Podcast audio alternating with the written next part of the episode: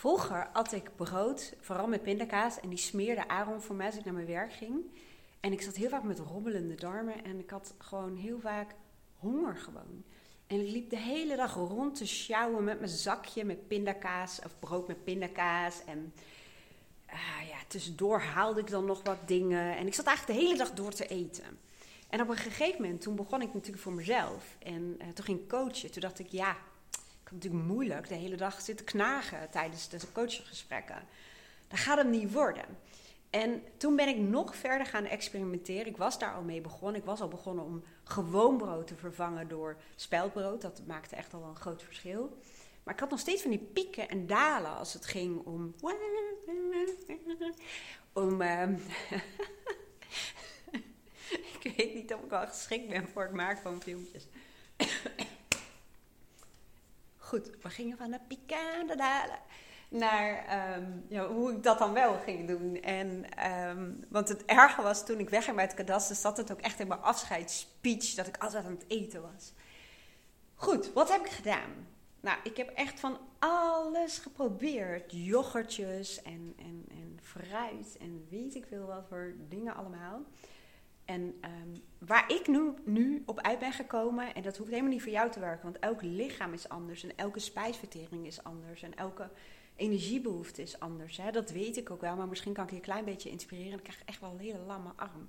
Ik ga even kijken of ik je even in mijn statief kan hangen hoor. Wacht even. Ah ja, beter. Zo. Ha, wat ben ik toen gaan doen? Um, wat ik nu doe, is ik maak een kiwi, die schil ik en die doe ik in uh, stukjes. Meestal gebruik ik blauwe bessen. Je hebt ze bijvoorbeeld bij uh, de supermarkt ook wel in een diepvrieszak. Um, maar ik haal ze ook heel erg graag vers. En dan een banaan en noten. En ik gebruik best wel veel noten. Misschien wel meer dan, dan handig is. Maar goed, um, daar doe ik het blijkbaar wel goed op. En ik doe vaak even een beetje uh, kaneel eroverheen. En dat lijkt, in het begin dacht ik echt van, nou daar kan ik dus echt niet op teren. Dat, dat, hoezo? Fruit, dat voelt echt niet als een soort van energiegever wat lang blijft hangen. Maar ik moet je gewoon echt zeggen dat ik daar heel lang goed op draai. Plus ik neem ook latte macchiato, er zit natuurlijk ook melk, gewone melk in. Um, dus dat vult ook. En ik ben um, een soort van lactose intolerant. En dan denk je, maar waarom ga je dan die lattes nemen? Omdat uh, lactose intolerantie betekent niet per se dat je er helemaal niet tegen kan, maar wel dat je bijvoorbeeld um, een verzadigingspunt hebt. Dus ik moet smiddags niet een ijsje gaan zitten eten of zo. Of uh, smiddags nog iets van melk nemen. Dat werkt bij mij uh, dan niet. Nou, en wat doe ik dan in de, uh, tijdens de middag, zeg maar, de lunchpauze? Ik maak echt altijd een hele grote schaal. En ik weet niet of ik dat goed in de video naar voren kan krijgen. Maar echt een, ik zal hem een keer laten zien, zo'n schaal. En dan doe ik bijvoorbeeld twee of drie paprika's, tomaten, olijven, soms wat vis ik varieer eigenlijk. Ik heb een basis, dat zijn die paprika's en de tomaten. Um, en daar varieer ik op. Dus die olijven of vis, um, vlees eigenlijk nooit. Um, ja, dat, dat doe ik dan op de een of andere manier niet. Maar kaas. Hmm. Kaas, dat doe ik ook. Of dat nou mozzarella is, of van die blauwschimmelkaas, of gewone kaas. Ik doe kaas overheen. En dan doe ik iets waar jullie het filmpje waarschijnlijk voor uit gaan zetten. Want dat is namelijk de hele handel in de magnetron. En waarom doe ik dat? Omdat dan um, dat kaas, of die kaas kan er lekker overheen smelten. Dat is echt heerlijk.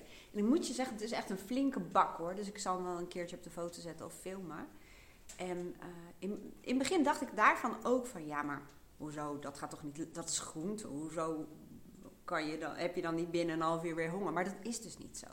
En ik merk dus, wat ik net deed, ja, dat mijn bloedsuikerspiegel, die blijft heel stabiel. En um, voor mij voelt het ook nog eens een keertje best wel heel chill. Dat ik tussen de middag al alles binnen heb wat mijn lichaam nodig heeft. Aan vitamine en aan vezels. En ja, en ik merk ook gewoon dat ik daardoor niet alleen mijn lichamelijk beter functioneer. Hè? Die, die rommelingen in mijn darmen, die zijn er gewoon niet meer. Um, ik merkte ook dat vroeger had ik ook wat um, acne. Of nou ja, acne is een beetje groot woord, maar wel puistjes en zo. Want dat doet ook wat met je huid voeding waar je lichaam gewoon niet zo heel erg goed op draait, om het zo te zeggen. En ik voel me mentaal ook veel fitter en energieker. En waar ben ik op een gegeven moment ook mee gaan uh, experimenteren met intermittent vasten. En niet zoals mensen het vertellen en leren. Want dat, ja, dat is zo gestructureerd dat dat, nou ja, dat blijft op de een of andere manier niet bij mij hangen. Maar ik dacht wel van, ik ga eens experimenteren met het uitstellen van mijn ontbijt. En dat deed ik niet voor niets, want ik dacht, ik, laat ik het zo zeggen, ik hoorde van heel veel mensen zeggen dat ze dan mentaal veel scherper waren en veel betere concentratie hadden. Toen dacht ik, oké, dat lijkt me wel, dat lijkt me wel wat. En ik doe dat nog steeds trouwens. Ehm, alleen maar het uitstellen van mijn ontbijt ehm, op het moment dat ik niet in de ochtend een sessie heb. Want ik heb dan op de een of andere manier nog steeds zo'n beeld voor me dat ik in die sessie zit en dan wow, echt zo'n wegtrekker krijg. Uh, of dat mijn maag heel erg gaat rammelen. Dus voor mij werkt het op dit moment dan van nog het beste om um, dat ontbijt gewoon uit te stellen. En wat echt ook een aanrader is, is dan om bijvoorbeeld zonder dat je gegeten hebt, om eerst te gaan bewegen. Want ze zeggen ook vaak, als je bijvoorbeeld wat vet wil verbranden, dat als je gaat eten, dan gaat je lichaam uh, het vet verbranden, wat op dat moment, ja, dat is niet meer waar zoals ik het zeg, maar in elk geval wel um, niet het vet verbranden wat al op je lichaam zit. Ja, het klinkt, ik wil het anders uitleggen, maar in elk geval, laat ik het zo zeggen.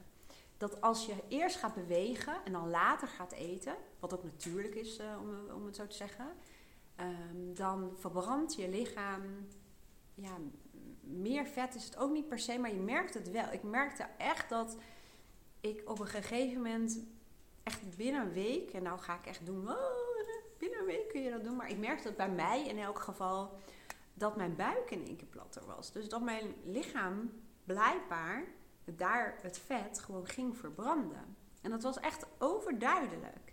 En in het begin dacht ik nog, jeetje, dan word ik straks uh, over tien uur gevonden in het bos of zo. Dan ben ik omgevallen van, uh, van de honger of de trek.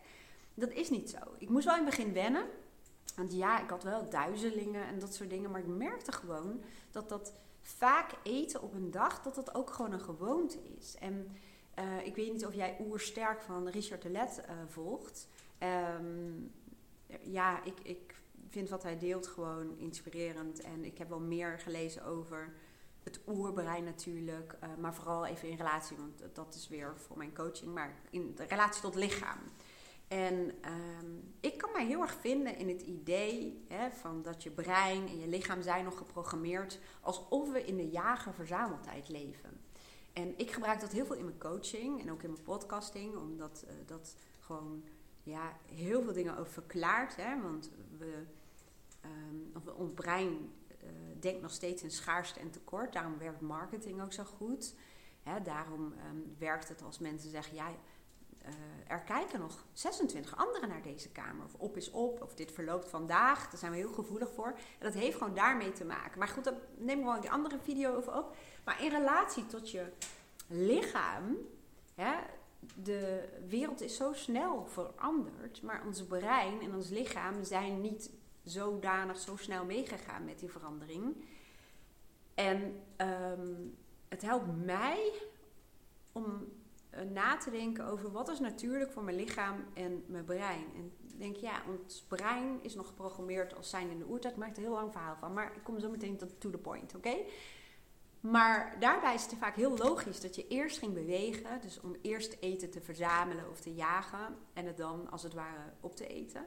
En dat als er bijvoorbeeld een dier werd geschoten, dat je een tijdje heel veel vlees had, want dat kon je moeilijk bewaren. En dan een hele periode weer niks. En dat je heel erg leefde van wat de natuur op dat moment te bieden had. Dus ook heel erg seizoensgebonden, om het zo te zeggen. En dat je vaak uh, bulk ging drinken, zoals Richard de Let bijvoorbeeld ook noemt. Hè? Dat je op één moment heel veel drinkt en niet de hele dag door beetjes.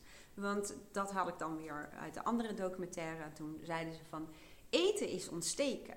Dat op het moment dat je wat dan ook in je mond stopt, of je nou gaat drinken of gaat eten, dat um, je lichaam al ontsteking, um, ja, markers of remmers aanmaakt. Omdat het weet ja, dat er van alles en nog wat in kan zitten. Dus daar is je lichaam ook heel erg druk mee.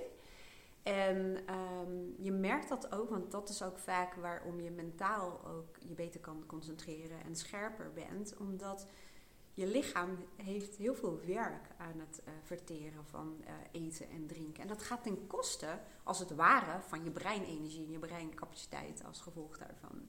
Dus ik ben echt een fan. En ben ik nou iemand die echt heel erg intermittent vast, om het zo te zeggen? Nee.